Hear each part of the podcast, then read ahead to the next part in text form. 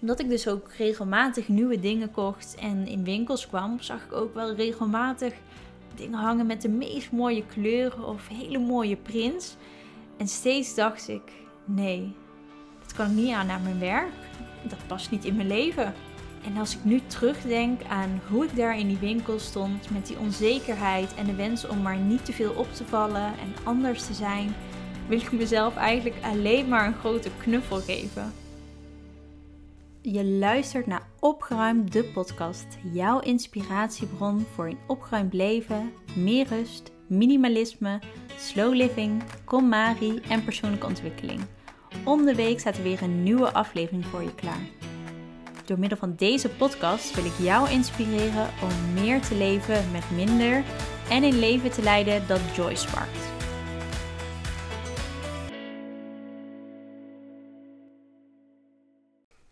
Laatst hoorde ik iemand op Instagram of in een podcast zeggen, ik weet niet meer precies waar het was, dat ze in haar tienerjaren altijd heel erg erbij wilde horen en daarom ook altijd alles deed wat anderen ook deden. En die persoon die had heel grote dromen en toen ze er uiteindelijk achter kwam dat ze daarvoor juist anders moest zijn en de dingen anders moest doen dan dat iedereen al deed, ging ze haar eigen authentieke leven leven en maakte ze die grote dromen waar dat is natuurlijk een super inspirerend verhaal aan zich. Maar bij mij klikte er iets anders door haar verhaal. Ik had dat namelijk omgekeerd op heel veel vlakken in mijn leven, waaronder mijn kledingstijl. En door het verhaal van die andere persoon vielen er ineens zoveel puzzelstukjes in elkaar. Die puzzelstukjes en dat verhaal wil ik graag met je delen in deze podcastaflevering over hoe ik mijn eigen kledingstijl weer terugvond. Toen ik in mijn tienerjaren zelf mijn kleding mocht gaan kopen, veranderde er echt een heleboel. Ik wou er namelijk niet meer hetzelfde uitzien als hoe ik jaren was gekleed. En ik hoefde er ook niet zo bij te lopen als hoe de rest er op de middelbare school bijliep. Het maakte me in die periode gewoon niet zoveel uit wat andere mensen van mij dachten en dat ik er anders uitzag dan de rest vanaf mijn dertiende ongeveer was mijn kleding eigenlijk vooral zwart. Mijn standaard uniform op die leeftijd die bestond uit hele wijde broeken, bandshirts, heel veel armbandjes, pikzwart geverfd haar, van die uh, net panties die je dan als handschoentjes aandoet aan je armen, hele wijde skateschoenen of kisten en iets te veel zwarte eyeliner als ik nu foto's van die tijd terugzie, krijg ik er een beetje de kriebels van. maar ik denk dat iedereen altijd wel zo'n plaatsvervangende schaamte krijgt van uh, dat soort oude foto's. Maar het was wel helemaal hoe ik die tijd was. Als ik nu terugkijk op waarom ik dat soort kleding ging dragen en waarom ik daarmee ging experimenteren, dan was dat misschien juist ook wel een beetje om ergens bij te horen. En ook wel een beetje meeloopgedrag om in een bepaalde subcultuur te passen. En hoewel dat misschien zo begon, ik deed wel helemaal wat ik wou en ik durfde daarin ook anders te zijn dan de rest. Het maakte mij in ieder geval echt niet uit dat mijn klasgenoten er iets van vonden of als mensen mij op straat nakeken. Ben opgegroeid in een heel klein dorpje in Brabant, waar iedereen nogal van het doe maar normaal, dan doe je al gek genoeg is. En waar mensen hun hele leven blijven wonen en nooit eens een keer wat anders doen of proberen, bij wijze van spreken. Dus je kan jezelf misschien wel voorstellen dat ik ook daar een behoorlijk aparte verschijning was. En dat mensen en oud-klasgenoten van de basisschool daar ook echt wel hun mening over hadden klaarstaan. Dat heeft me echter nooit echt tegengehouden en daar heb ik me destijds ook nooit echt wat van aangetrokken. Door de jaren heen ontwikkelde mijn eigen stijl steeds meer en meer. Ik bleef experimenteren met kleding. Ik voegde soms ook felle kleuren toe. Vooral roze vond ik heel leuk bij het zwart. En ik ging in de krochten van het internet en in allerlei kleine winkeltjes door het hele land op zoek naar kleding waar ik blij van werd en waar ik mezelf prettig bij voelde.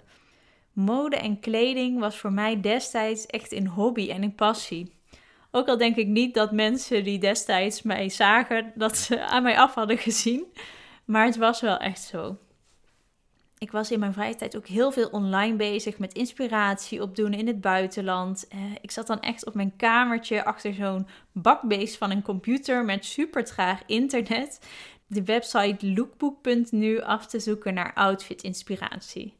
Ik denk dat je zo'n website nu niet meer hebt, maar het was een soort Pinterest voor, voor outfits en mode. En je kon daar dan ook allerlei modebloggers op volgen en zo. Die outfits en plaatjes, die sloeg ik dan op. En dan ging ik proberen om die outfits na te maken met de kleding die ik zelf had. Of met kleding die ik met mijn kleine budget kon kopen. Om die reden ben ik ook al vanaf vrij jong best wel serieus aan het werk gegaan.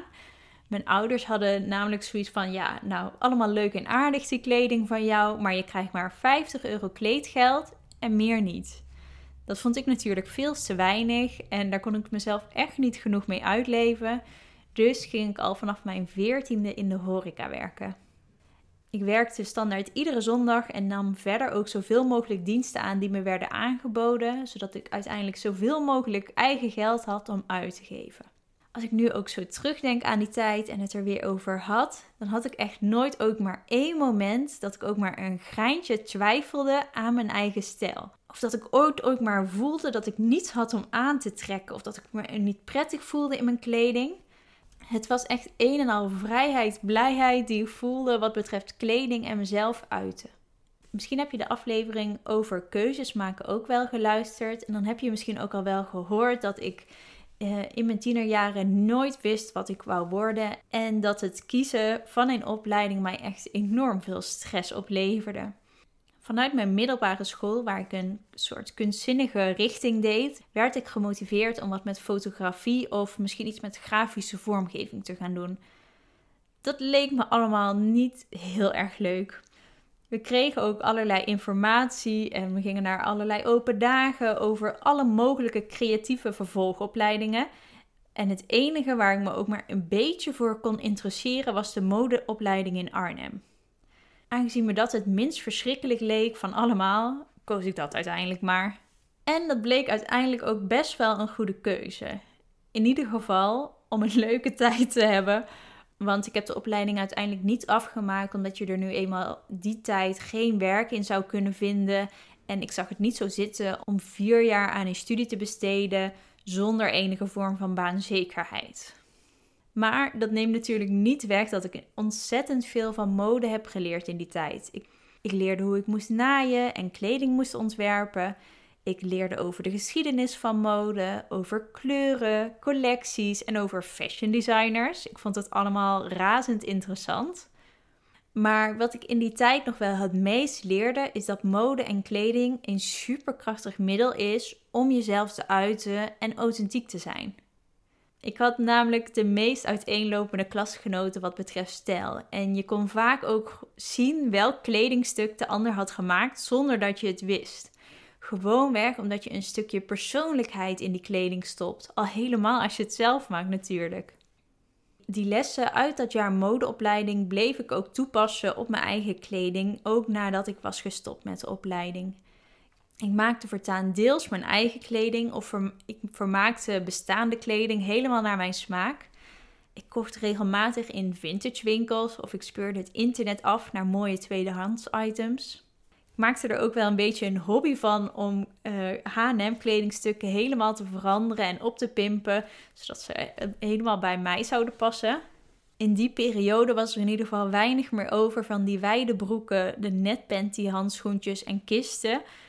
En het werd juist uh, helemaal mijn eigen sausje over dat soort kleding. Ik combineerde dingen die ik zag in tijdschriften als L met stoere bandshirts. Een schattig roze bloemetje in mijn haar en torenhoge hakken combineerde ik met kapot geknipte bandshirts, strakke zwarte broeken en van die glimmende leggings. En daarbij dan een versierde leren jasje of een geruite colbert. In die tijd maakte ik ook eens zelf tassen die ik er dan bij droeg. Oh, het lijkt echt alweer een eeuwigheid geleden nu ik hier zo over praat. Echt een soort ander tijdperk. Ik denk namelijk niet meer zo heel vaak terug aan die tijd.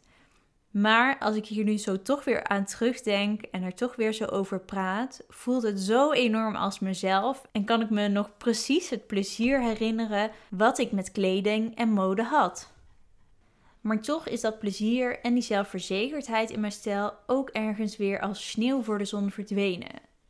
Destijds heb ik dat nooit echt heel goed doorgehad en al die tussen de liggende jaren eigenlijk ook niet. Tot ik dus laatst iemand online hoorde zeggen dat ze er altijd bij wou horen en dat dat ervoor zorgde dat ze ver van haar eigen pad af ging staan en daardoor niet haar dromen kon bereiken.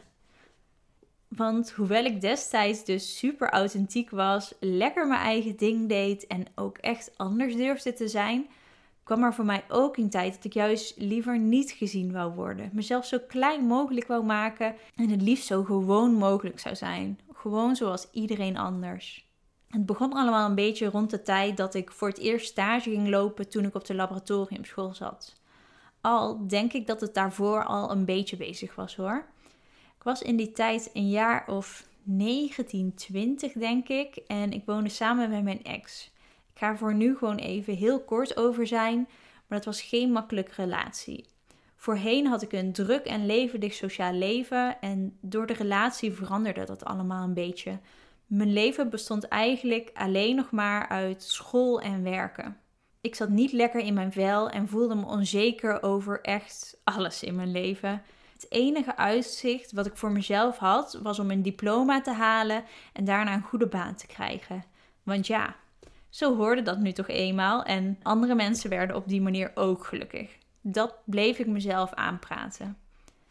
Die verandering in mijn hoofd zorgde ook voor veranderingen in mijn uiterlijk. Vanaf dat moment koos ik voor de minst opvallende kleding. Alles was grijs, wit of zwart en het liefst zo gewoontjes mogelijk, zodat ik niet te veel opviel. Dat hielp overigens niet echt, want alsnog voelde ik mezelf overal waar ik kwam anders en had ik het gevoel dat ik er niet bij hoorde. Vanaf die tijd herinner ik mezelf voor het eerst ook uh, die ochtenden dat ik voor een bomvolle kledingkast stond en het gevoel had dat ik werkelijk waar niets had om aan te trekken. Ik kocht veel, maar droeg alles misschien maar een paar keer omdat ik me nergens echt fijn in voelde. Ik weet nog wel dat ik in het pashokje stond en bij alles dacht: ja, dit kan op zich wel. Ja, staat wel leuk. Oké, ja, laten we dit anders maar doen of zo. Soms was het zelfs zo dat wanneer ik iets echt leuk vond, ik het toch maar niet deed, omdat het misschien toch wat too much was en dat dan toch niet zo praktisch was voor het werk. Dat gevoel wat betreft kleding heeft bij mij enorm lang aangehouden. Ik ruimde in die tijd zeer regelmatig mijn kleding op en hield dan vaak toch ook vast aan die oude dingen uit de tijd dat ik nog wel alles aandurfde. En verder werd ik eigenlijk van bijna niets echt blij wat ik had. En er gingen echt steeds zakken vol kleding weg. Met het kwijtraken van mezelf was ik ook een beetje mijn plezier in mode en kleding kwijtgeraakt. En dat speelde elkaar ook heel erg in de hand, want uiteindelijk kleed ik mezelf ook niet als mezelf. Jaren later, toen ik inmiddels met mijn huidige vriend samenwoonde, toen was ik denk ik 24 of 25, begon ik pas weer beetje bij beetje meer plezier in kleding te vinden en wou ik er ook weer wat meer moeite in gaan steken. Ik was toen heel veel bezig met mezelf beter in mijn vel voelen en beter in mijn kleding voelen. ik had destijds ook wel het idee dat ik stapje bij stapje dichter bij mijn eigen kledingstijl kwam. Al kijk ik daar nu eerlijk gezegd wel met terugwerkende kracht ietsje anders op terug. Het was namelijk niet echt mijn stijl die ik toen vond, maar meer de stijl die ik veel online zag. Ik was bijvoorbeeld toen veel bezig met duurzaamheid en dan is duurzame kleding natuurlijk ook een logische stap. Online las ik heel veel over fair fashion en ik volgde ook allerlei duurzame modebloggers. Dus het was wel weer echt iets waar ik plezier in begon te hebben en moeite in wou steken. Iets wat ik toen heel veel teruglas was dat je moest gaan voor tijdloze items. De duurzame collecties waren toen ook nog niet zo ver als dat ze nu waren. Dus hetgeen wat er beschikbaar was in dat soort collecties, was ook eerlijk gezegd wel bijna allemaal onder de categorie tijdloos te scharen. Mijn kledingkast bestond toen voor een groot deel uit gestreepte shirts, effe topjes, lange vesten en jeans. En nog een paar oudere items om nog een beetje afwisseling en een beetje wat meer bijzonders te kunnen dragen. Sneakertjes of een zwart laarsje eronder en klaar. Qua kleuren ging ik vooral voor kleuren als donkerblauw, legergroen, zwart, wit, grijs en bordeauxrood. Ik dacht namelijk dat die kleuren onder de noemer tijdloos vielen. Het was in ieder geval niet per se zo dat ik zelf nu zo ontzettend blij werd van die kleuren. En die kleuren en outfits die zijn natuurlijk helemaal prima als je daarvan houdt. Maar het was gewoon niet voor mij. Ik voelde mezelf er ook nooit helemaal 100% prettig in. En ik bleef ook heel veel doorwisselen in mijn kledingkast. Ik deed heel veel weg, bleef heel veel kopen. En als we het dan toch over duurzaamheid hebben, dan valt dat daar natuurlijk absoluut niet onder. Omdat ik dus ook regelmatig nieuwe dingen kocht en in winkels kwam, zag ik ook wel regelmatig dingen hangen met de meest mooie kleuren of hele mooie prints. En steeds dacht ik: nee, dat kan ik niet aan naar mijn werk. Dat past niet in mijn leven. En als ik nu terugdenk aan hoe ik daar in die winkel stond, met die onzekerheid en de wens om maar niet te veel op te vallen en anders te zijn, wil ik mezelf eigenlijk alleen maar een grote knuffel geven. Nu vraag je jezelf misschien inmiddels af hoe ik het dan uiteindelijk heb omgekeerd en wel weer dichter bij mijn eigen stijl ben gekomen en die heb ontdekt. Want ja, daar luister je natuurlijk deze podcastaflevering voor. Nou, dat moment is nu gekomen. Ik ga het je uitleggen. Dat proces van mijn eigen stijl vinden is bij mij heel geleidelijk gegaan en meerdere punten hebben daarbij een grote rol gespeeld. Het eerste punt was dat ik tegen mezelf heb uitgesproken dat het echt anders moest. Ik baalde er zo enorm van dat ik nooit wat had om aan te trekken. Continu de wasmand moest omkeren om de week door te komen, terwijl ondertussen mijn kledingkast gewoon vol hing en ik elke maand flink moest gaan shoppen omdat ik weer de helft had weggedaan. Ik ben toen als eerste gaan kijken welke kledingstukken er steeds weer op de neestapel belanden en naar de kringloop gingen.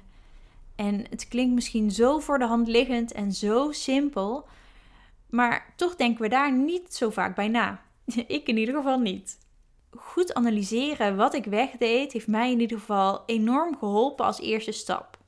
Geen blauw en groen meer, geen strakke topjes met kool meer, geen broeken met lage taille meer, niet meer die ellendige kreukel- of vlekstoffen en geen stoffen meer die kattenharen aantrekken.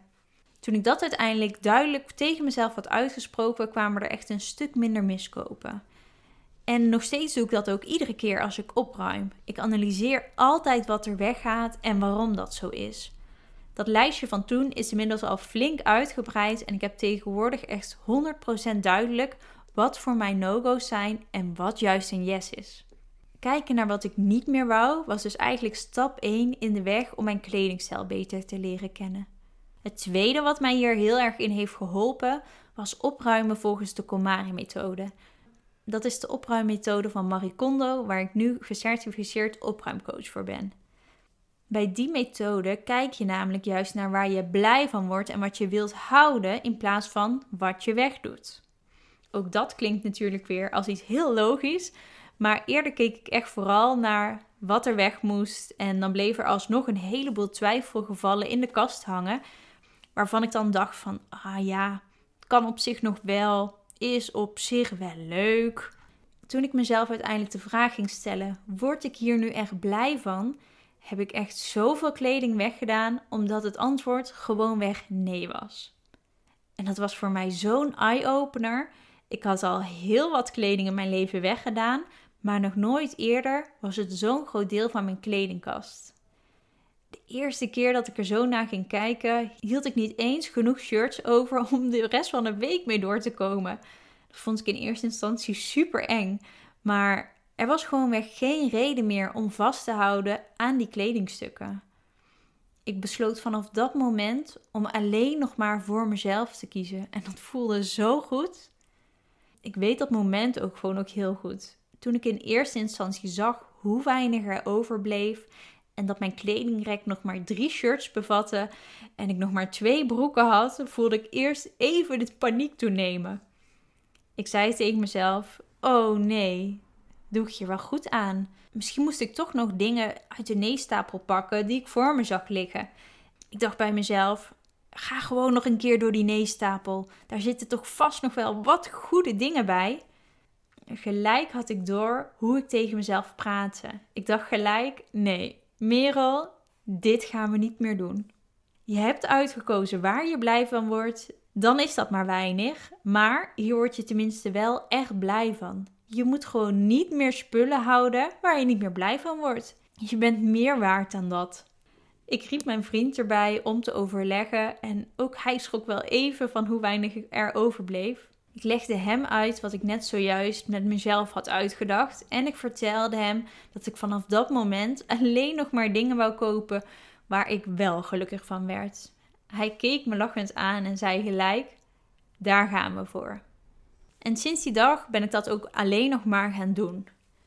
Het ding was toen nog wel een beetje dat ik nog wel redelijk zoekende was in mijn stijl. Ik werd van best wel wat verschillende stijlen blij. En dat is op zich niet erg, want ik hou er ook juist wel van om wat te mixen en matchen en af te wisselen. Maar het voelde soms ook wel of ik drie verschillende garderobes in mijn kast had hangen. En wisselde soms ook nog redelijk snel kleding door. Omdat het gewoon wat lastig te combineren was met elkaar. En ik nog heel veel aan het uitproberen was. Daar kon ik me dan ook best wel schuldig over voelen. Maar inmiddels heb ik besloten dat ik er niet meer zo naar wil kijken. Ik ben uiteindelijk ook iemand die juist gewoon veel van mode en kleding houdt en het leuk vindt om af en toe te wisselen en te experimenteren.